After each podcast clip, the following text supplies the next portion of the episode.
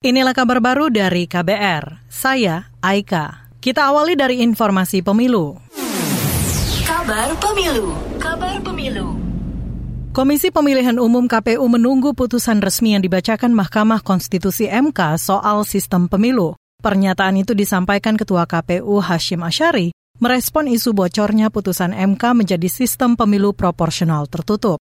Sampai saat ini KPU memonitor apa yang terjadi perkembangan di media massa. Tetapi soal apakah sudah putus atau belum, KPU pegangannya adalah nanti pada saat putusan Mahkamah Konstitusi dibacakan ya. Karena dari situlah kita mengetahui itulah yang benar. Kalau yang sekarang ini wow alam kita nggak tahu. Ketua KPU Hashim Asyari enggan berspekulasi sebelum ada putusan resmi dari MK. Ia mengatakan kebenaran isu putusan MK soal sistem itu bisa dikonfirmasi langsung kepada yang menyampaikan. Sebelumnya, pakar hukum tata negara Denny Indrayana mengaku mendapat informasi bahwa MK akan memutuskan sistem pemilu legislatif menjadi proporsional tertutup. Kita ke informasi daerah.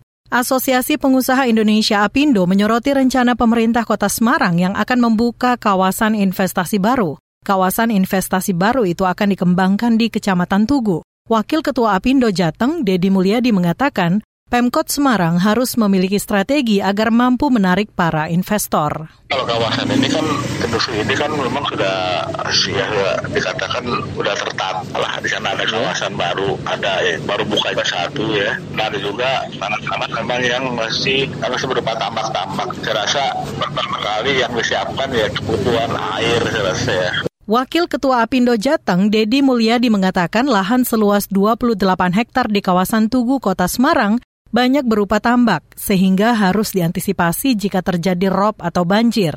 Terlepas dari itu, Dedi menilai kawasan Tugu cukup strategis lantaran dekat akses transportasi baik darat maupun udara. Beralih ke informasi lain, China berambisi mewujudkan pendaratan berawak pertama di bulan pada 2030.